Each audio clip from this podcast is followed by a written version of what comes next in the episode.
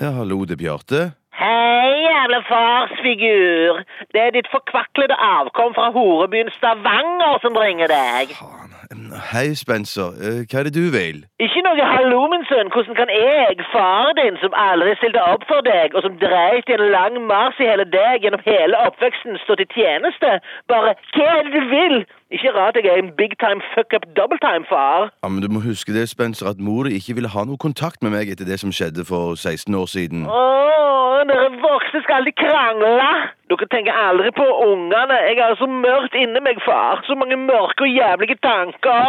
Jeg er i puberteten. Kroppen min er i forandring, far. Jeg tror jeg kanskje er en kvinne sperra inni en teenagerkropp. Nei, Det tror jeg helt sikkert ikke, Spencer. Åh, du kan si hva du vil, far, men det er min kropp, og jeg har bestemt meg. Jeg skal ta operasjonen.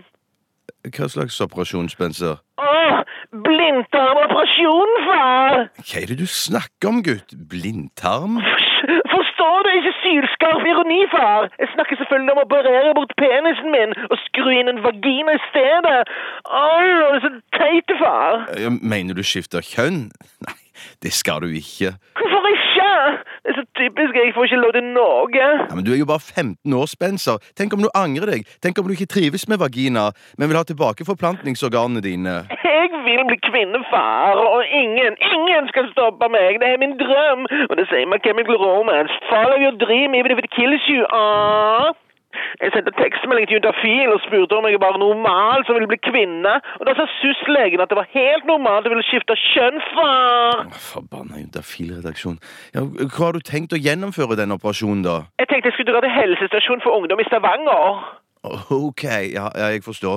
Ja, men lykke til med operasjonen, da, gutten min. Ikke kall meg gutten din, kall meg kvinnesønnen din. Ja, Greit. Lykke til, kvinnesønn. Ja, ellers, da? Går det bra? Ingenting biter på deg, far. Jeg gjennomfører faktisk et ungdomsopprør her, far, og du bryr deg ikke i det hele tatt.